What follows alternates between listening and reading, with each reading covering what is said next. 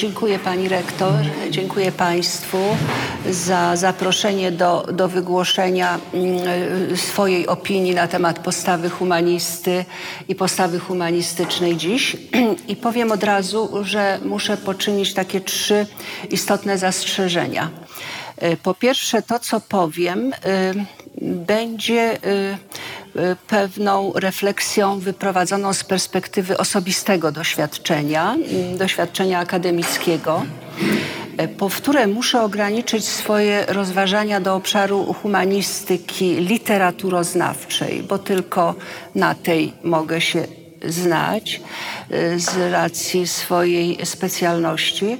No i wreszcie ograniczę tę wypowiedź do konkretnego czasu. Anno Domini 2021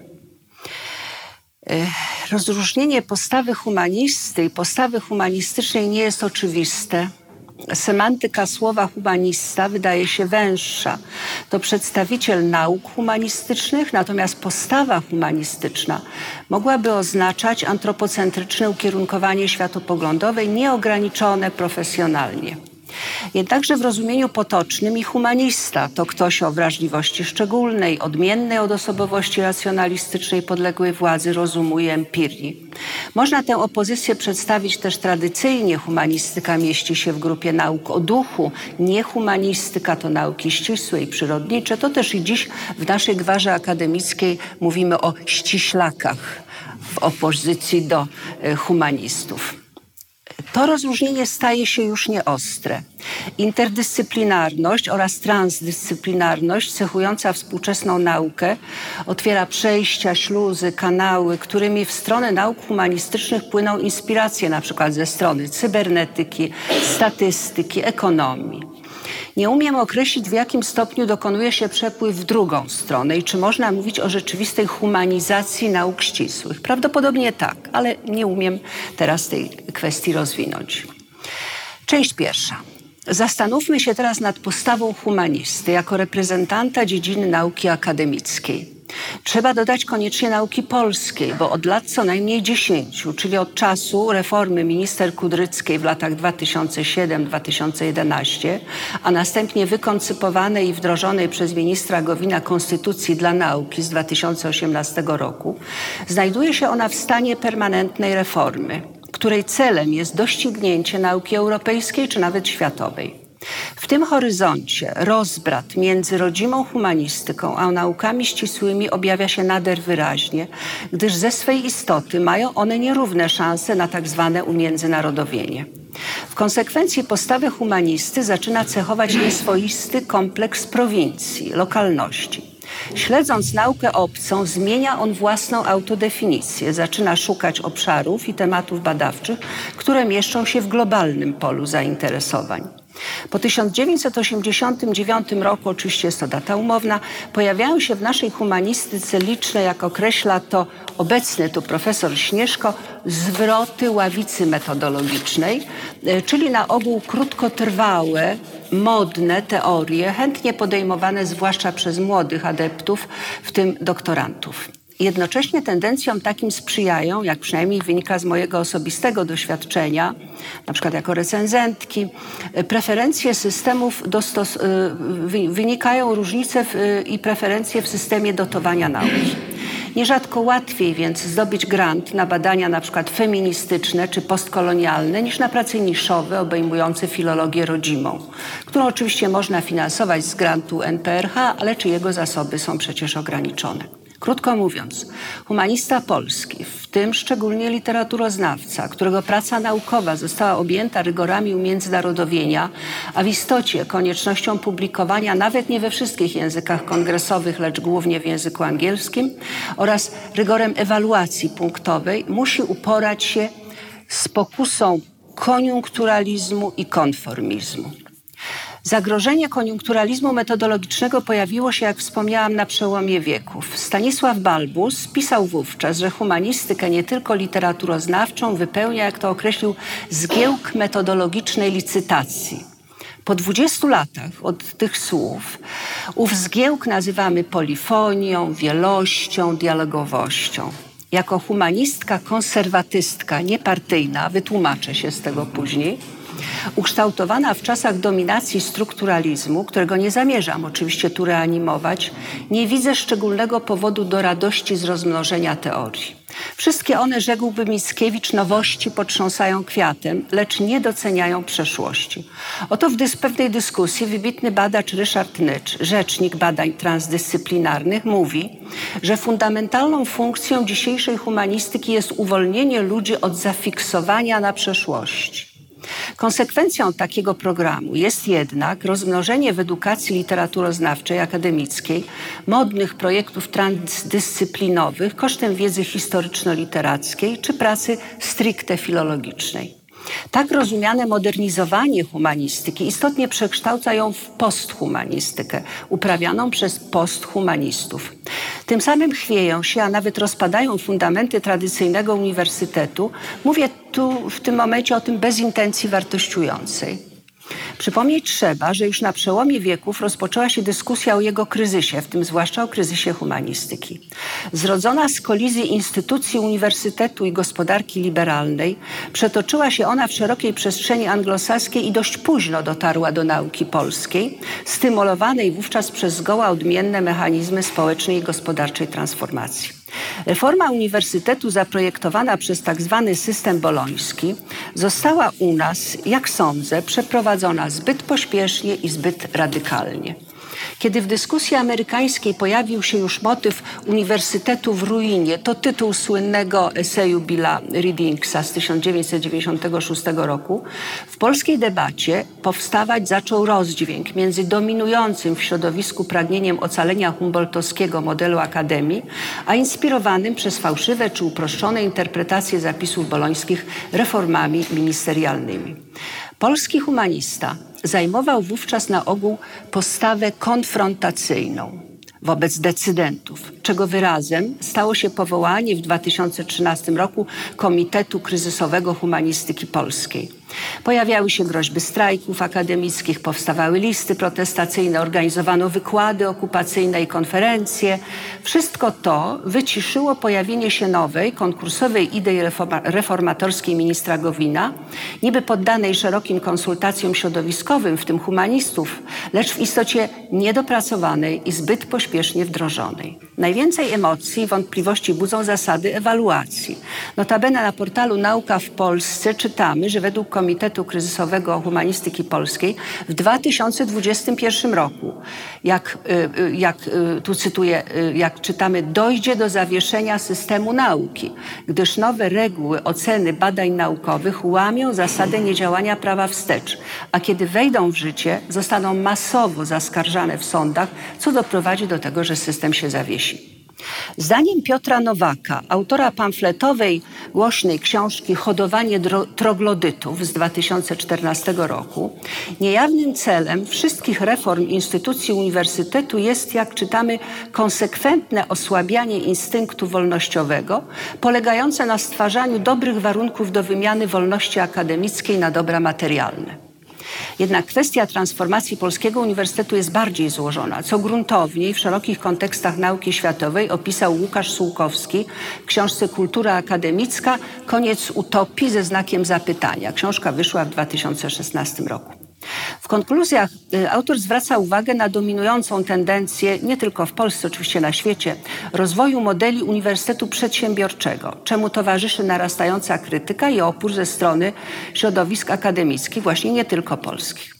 Zarazem autor twierdzi, że transformacja kultur akademickich jest nieodwracalna, choć tradycyjna kultura uniwersytetu typu humboldtowskiego działa jak kotwica aksjologiczna i mentalna. Obserwujemy ostateczny demontaż tego modelu, który zmienia się na podobieństwo kultur organizacji działających w gospodarce rynkowej. I dalej u tego autora czytamy. Ważne jednak, aby w zapale reformatorskim i w rozwoju mechanizmów rynkowych w edukacji nie doszło do zagubienia wartości humanistycznych nauki i kształcenia wyższego. Zdanie to kryje odpowiedź na pytanie, jakie są powinności społeczne humanisty. Pozornie w przestrzeni akademickiej nie brak przykładów mobilizacji do, służbie, do służby w sprawie ochrony owych wartości humanistycznych nauki. Na Uniwersytecie Adama Mickiewicza działa Centrum Humanistyki Otwartej. Na Uniwersytecie Łódzkim Interdyscyplinarne Centrum Badań Humanistycznych. W Krakowie Centrum Studiów Humanistycznych UJ. W IBL PAN Centrum Humanistyki Cyfrowej. W Uniwersytecie Kazimierza Wielkiego powstał kierunek studiów pod nazwą Humanistyka drugiej generacji.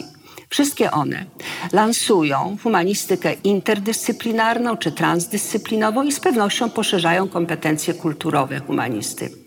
Rodzi się jednak wątpliwość, czy postawa humanisty wyraża się w jego umiejętności poszerzania wiedzy dyscyplinowej i zdolności uczestniczenia w nowych formach kultury, czy może raczej przede wszystkim w dyspozycji krytycznej umożliwiającej rozpoznawanie wartości i znaczenia owych form kulturowych dla ludzkiej egzystencji? Badacz humanista jest ciekaw nowych odkryć, na przykład w medycynie czy fizyce, może nawet zastanawiać się nad ich transferem do literatury, filozofii czy kulturoznawstwa. Lecz istotą jego profesji pozostaje troska o możliwe konsekwencje nowych odkryć, refleksja etyczna i busola aksjologiczna. Ta ostatnia indywidualizuje zarówno wybory prywatne, jak i badawcze. Nie widzę w tym nic złego, dopóki humanista pozostaje w gotowości do dialogu i poszanowania odmiennych wyborów. Odnosi się to szczególnie do sfery edukacji, która w żadnym razie nie może być skażona indoktrynacją ani w sensie ideowym, ani metodologicznym. Podsumujmy. Postawę humanisty akademickiego nierzadko charakteryzuje dziś poczucie nierówności szans zawodowych wobec przedstawicieli nauk ścisłych, także poczucie przymusowej konieczności redefinicji swoich preferencji badawczych, nadto kryzysowe samopoczucie bezradności wobec osłabienia społecznego prestiżu. W aktualnym modelu rozwoju gospodarczego miejsce humanisty rysuje się wciąż niejasno, mimo licznych dowodów jego umiejętności adaptacji do nowych wyzwań e, profesjonalnych, w tym rynkowych. Część druga. Cóż z kolei oznacza dzisiaj postawa humanistyczna? Jak wcześniej proponowałam, formuła ta odnosi się do sfery światopoglądu, to też może cechować przedstawiciela każdej dziedziny i dyscypliny naukowej, każdej profesji, każdej grupy społecznej.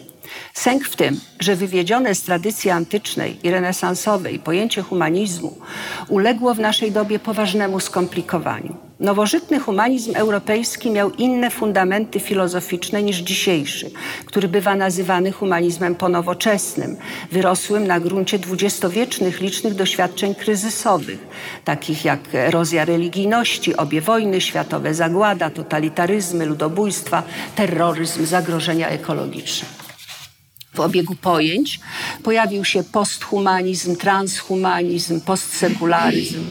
Jeśli w semantyce dawnego humanizmu mieściło się ukierunkowanie na rozwój człowieka jako miary wszechrzeczy, to obecnie jest to również ukierunkowanie na ochronę jego szeroko pojętego otoczenia. Człowieczeństwo jako kategoria aksjologiczna także uległa relatywizacji wskutek rozwoju biotechnologii, zaś z potęgą człowieka konkuruje maszyna oraz innobyty, na przykład wirusy. Dochodzimy zatem do głównego motywu naszej refleksji. Kim jest humanista i co oznacza postawa humanistyczna dziś? Dziś, czyli w drugim roku światowej pandemii, zbierającej śmiertelne żniwo już około 4 milionów istnień i odmieniającej egzystencję człowieka w skali dotąd bodaj niespotykanej. Czy koronawirus wpływa na myślenie o kondycji ludzkiej? Niewątpliwie tak. Jeszcze silniej niż spekulatywne koncepty filozoficzne w rodzaju postmodernizmu czy dekonstrukcji relatywizuje władzę rozumu na rzecz władzy doświadczenia. To ono, doświadczenie pandemii, zmienia naturę człowieka. Nagle, bardzo ostro, radykalnie wrzuconego w byt niepewny, bezterminowo zagrożony. Zmienia także kulturę i naukę, zwłaszcza humanistykę, która w sytuacji ograniczenia realnych kontaktów ludzkich ulega wirtualizacji, zapośredniczeniu przez media elektroniczne. Wszystko to będzie kiedyś przedmiotem analiz i opisów nauki. Dziś pozostaje nam trening dyspozycji hermeneutycznych. I w tym widzę szansę dla umocnienia zarówno postawy humanisty, jak i postawy humanistycznej. Humanistyka bowiem, jak definiował Michał Paweł Markowski, nie jest właściwie nauką w literalnym znaczeniu, lecz nieodzowną polityką wrażliwości, czyli rozwijaniem zdolności rozumienia bytu i świata oraz kształtowaniem etyczności członków społeczeństwa. Z kolei Michał Januszkiewicz przekonuje, że nauki humanistyczne w ich hermeneutycznym wydaniu zachowują rygor ścisłości, lecz jest ona zorientowana na człowieka. Autor pisze, w miejsce opisu wprowadzają interpretację, zaś w miejsce neutralnego, obiektywnego poznania proponują mówić o wiedzy interpretatywnej czy historycznej, którą charakteryzuje przekroczenie rozszczepienia podmiotowo-przedmiotowego właściwego naukom przyrodniczym. Humanistyka hermeneutyczna jest, jak z kolei bardzo dawno zapisała w tytule swej książki, czyli w 1974 roku Maria Jajon, poznaniem i terapią.